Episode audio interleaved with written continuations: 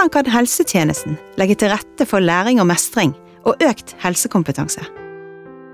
Mestring er en individuell prosess uten oppskrift. Men kan vi vise til noen stier som andre har gått opp? Velkommen til Spor av mestring, en podkast i regi av Nasjonal kompetansetjeneste for læring og mestring innen helse. Mitt navn er Hilde Blindheim Børve. Jeg er spesialrådgiver og har i mange år jobbet med pedagogikk i en helsekontekst. Velkommen til deg, eh, Marianne Elgåen Kirkbakk.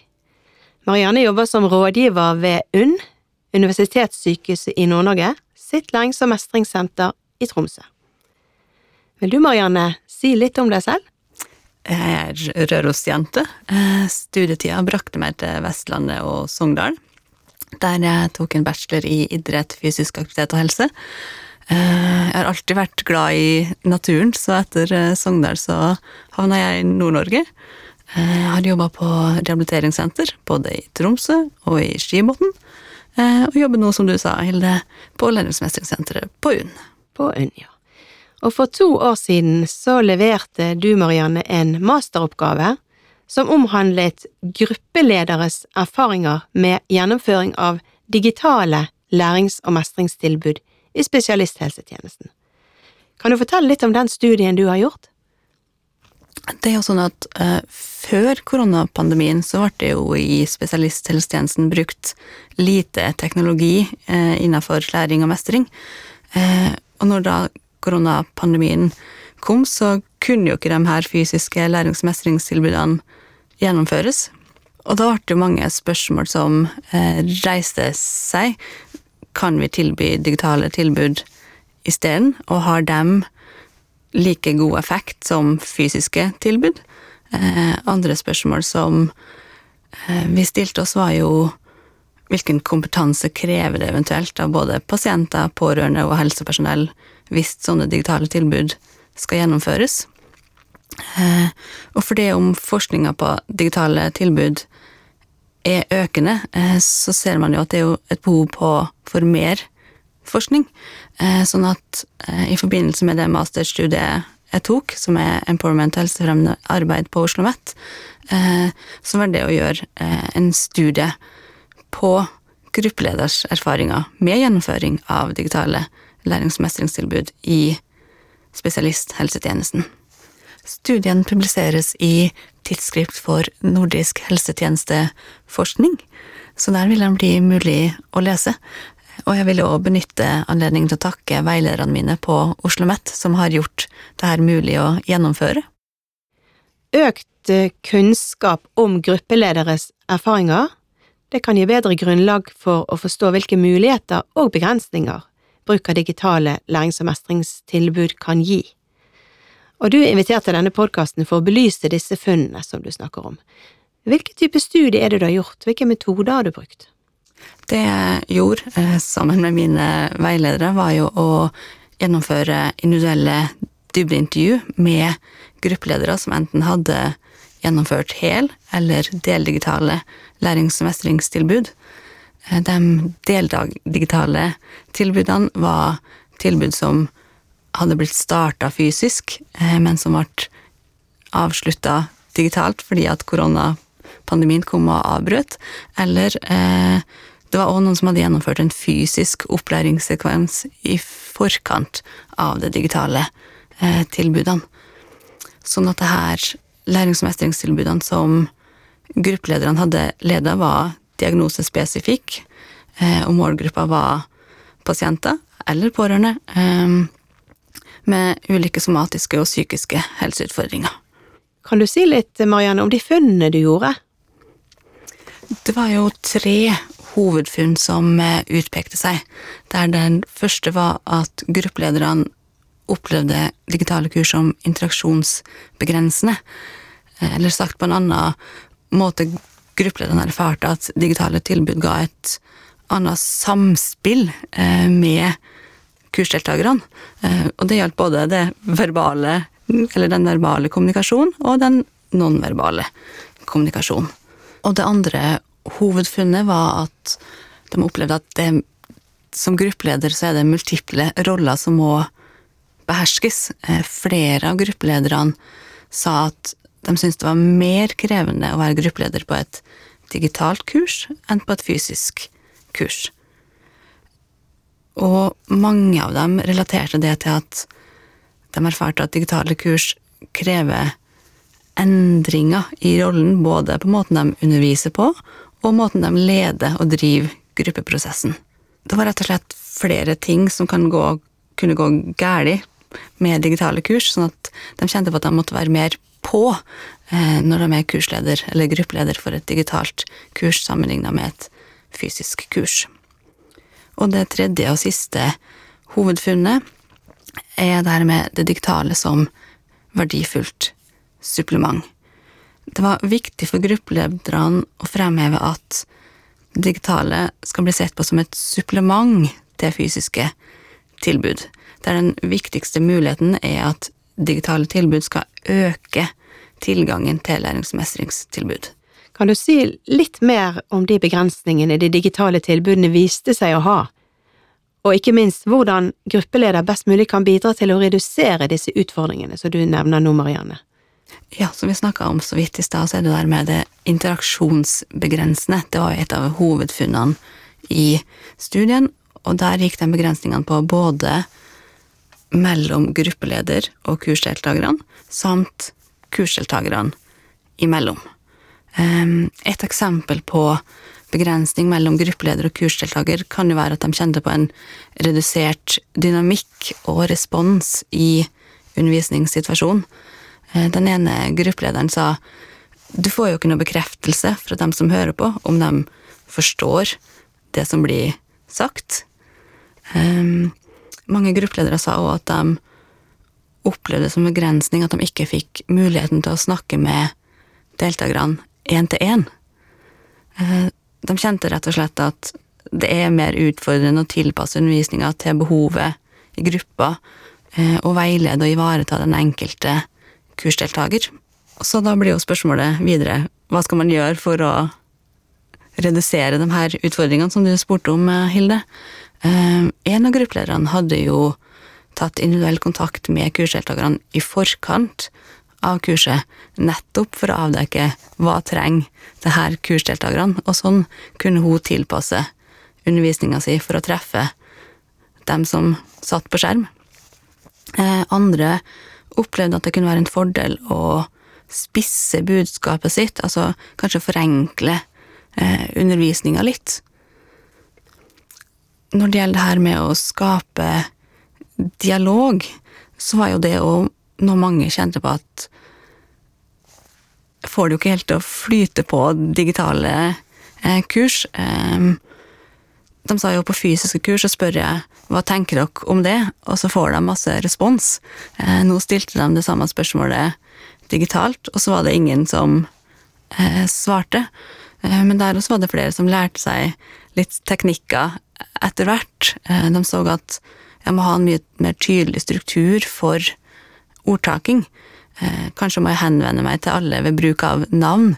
Ta strukturerte eh, runder der én og én får et direkte spørsmål og får muligheten til å si noe.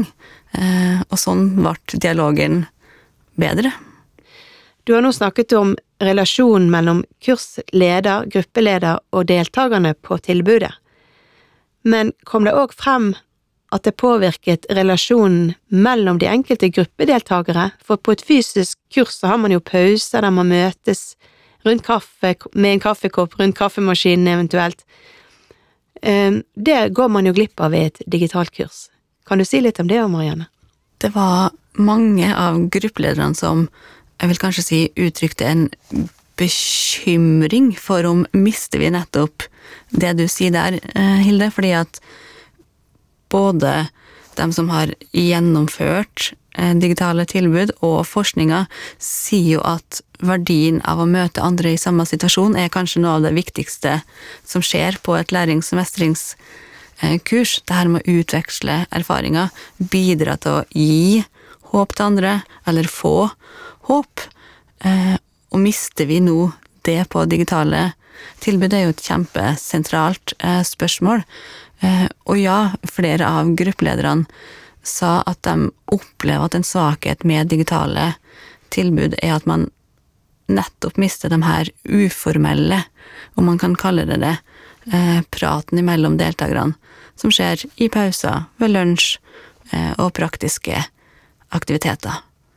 En av gruppelederne sa jo at en tilbakemelding hun hadde fått fra kursdeltakerne, var at de opplevde slutten på hver kursgang som veldig brå, fordi at de fikk jo ikke satt stolen inntil bordet, de mista den her småtalken på vei ut av kursrommet, sånn at denne gruppelederen sa at hun hadde lært at hun måtte sette av god tid til avslutninga, kanskje gjerne si et par ord til hver enkelt deltaker, fordi at ellers så ble jo kurslederne sittende igjen der med en svart skjerm, og så var kurset plutselig slutt. Og så er det jo også sånn at på lærings- og mestringskurs så setter man jo ofte tid til gruppesamtaler, en litt mer sånn formell erfaringsutveksling. Eh, og på de kursene der størstedelen av kurset besto av å dele erfaringer, var kurslederne egentlig positivt overraska over hvor mye deltakerne delte med hverandre. Noe som jeg tenker er kjempeviktig og positivt eh, funn. Eh, men vi så jo òg at mange hadde tatt bort Eh, gruppesamtalene fra programmet hvis man sammenligna det med eh, fysiske tilbud. Ehm, sånn at jeg tenker at det er jo viktig at og kanskje enda desto viktigere på digitale tilbud, at man velger å avsette tid til erfaringsutveksling, eh, og kanskje bruke digitale grupperom, det man ofte kaller breakout rooms.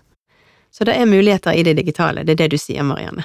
Mm, og der ser vi òg at de tekniske løsningene blir mer og mer tilrettelagt etter hvert, som gjør at det som gruppeleder blir mer håndterbart å benytte sånne tekniske muligheter.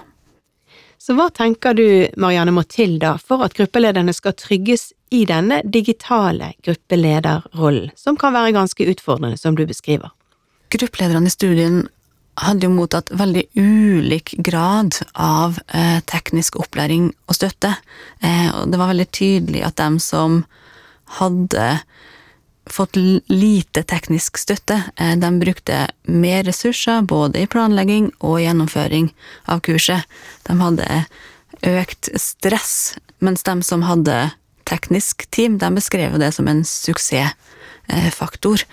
Eh, sånn at teknisk kompetanse tenker jeg er viktig for at man skal kjenne på en trygghet som gruppeleder, og da at man enten sjøl må inneha den kompetansen, eller at man har et team eller en person tilgjengelig som har den kompetansen. Definitivt òg en trygghet at man er to eh, gruppeledere, fordi at det er så mye uforutsett som kan skje. Og så tenker jeg at det er viktig at det her med at gruppeledere får tid eh, avsatt til eh, øving, og at det blir en kontinuitet i gjennomføring. Skal du gjennomføre, la oss si, ett kurs eh, i året, så tenker jeg at det er vanskelig å oppnå den her tekniske tryggheten. Og så så vi jo òg at, som vi allerede har vært inne på, at det å skape interaksjon og gode gruppeprosesser digitalt, eh, til dels skrevet andre metoder enn ved fysiske kurs, sånn at en annen kompetanse som jeg tenker gruppeledere må ha for å oppleve trygghet, er kanskje det vi kan kalle en digital helsepedagogisk kompetanse. Og det støttes jo òg av annen forskning. Det er ikke det samme å være gruppeleder i et fysisk rom som et digitalt rom, og ergo så krever det spesifikk kunnskap. Du har nevnt, eh, Marianne, at digitalisering kan bidra til økt tilgang til lærings- og mestringstilbud. Så hvilke muligheter mener du og erfarer du at digitalisering kan gi? Den viktigste muligheten digitalisering gir, er at det kan øke tilgangen til lærings- og mestringstilbud. Eh, dessverre så vet vi jo i dag at det er stor variasjon i både tilgang, organisering eh, og innhold av lærings- og mestringstilbud, både i kommuner og i sykehus. Så man kan bruke eh, digitalisering til å redusere denne ulikheten til helsetjenester, så tenker jeg at det er en kjempemulighet som digitalisering gir. Et eksempel er jo det her med spesialiserte tilbud som i dag kanskje bare tilbys til befolkninga i deler av landet. Hvis det her med digitalisering gjør at det tilbudet kan nå ut til alle i Norge, så er jo det en kjempestyrke. Andre eksempler på grupper man kan nå, er jo f.eks. dem som har en helsesituasjon som ikke tillater at man kan delta på et fysisk tilbud, eller pårørende som har omsorgsoppgaver som ikke gjør det mulig å reise fra hjemmet. Kanskje når vi òg flere i yrkesaktiv alder med digitale tilbud. Hva tenker du da må til for at deltakerne skal ønske å delta, og ha utbytte av et digitalt tilbud? En forutsetning er jo så klart at de har teknisk utstyr for å kunne delta. Eh, og en av gruppelederne som jeg intervjuet, hadde jo faktisk sendt utstyr til deltakerne. Eh, som er en kjempeflott tiltak, tenker jeg, for å muliggjøre deltakelse. Eh, et annet viktig poeng er jo kanskje det her med tilbud om opplæring. At kursdeltakerne har et tilbud om å ta kontakt i forkant, enten for å få utfyllende informasjon eller for å ta en prøveoppkobling. Samtidig så opplever jo flere av gruppelederne at mange har en lav terskel for å melde seg på, eh, og at de ikke føler seg brydd for det om de prøver og feiler litt og pludrer litt. Eh, så det er jo kjempepositivt. Og så har jeg lyst, lyst til å løfte fram et paradoks, eh, for det er gjort en kartlegging av befolkningas helsekompetanse i Norge. Eh, og den kartlegginga fant jo at både når det gjelder digitale ferdigheter og ferdigheter i å ta i bruk digitale helsetjenester, så rapporterer personer med langvarige sykdommer og eldre over 65 år svakere ferdigheter enn andre grupper. Sånn at paradokset ligger da i at de gruppene som har utfordringer med å delta på fysiske tilbud, kanskje òg er den samme gruppa som har utfordring med å delta på et digitalt tilbud. Og hvordan når vi da dem? Kanskje er løsninga, som jeg vet noen allerede gjør i dag, at man samler mindre fysiske grupper, enten i kommunen eller på små lokalsykehus, eh, og så går undervisninga fra et sentralt, større sykehus. Så da vil det si at det er en som bidrar med å logge på, og bidrar med det tekniske, og at man slipper å dra så langt for å få det tilbudet, det er det du da sier? Ja, nettopp. Dette er et interessant paradoks som man må finne løsninger på, og, og mange steder er det funnet løsninger på nettopp dette, som du sier, Marianne. Hvis du vender blikket litt fremover, hva ser du for deg vil skje i fortsettelsen? Nysgjerrighet tenker jeg er et viktig stikkord her. Utforsking av ulike modeller. Ja, vi skal beholde de fysiske kursene, men at man òg tester litt ulike kombinasjoner av fysisk og digitalt. Eh, og har noen rene digitale tilbud. Jeg tenker at jo flere ulike modeller som prøves ut, jo flere perspektiver får vi jo på hvordan teknologien kan og bør benyttes. Eh, og at man hele tida har med seg at målet er jo å gi lærings- og mestringstilbud som bidrar til økt mestring og livskvalitet hos deltakerne. Tusen takk for at du har delt funnene dine med oss i dag, Marianne, og takk for at du kom i studio. Tusen takk for at jeg fikk komme. På gjenhør til nye samtaler om spor av mestring.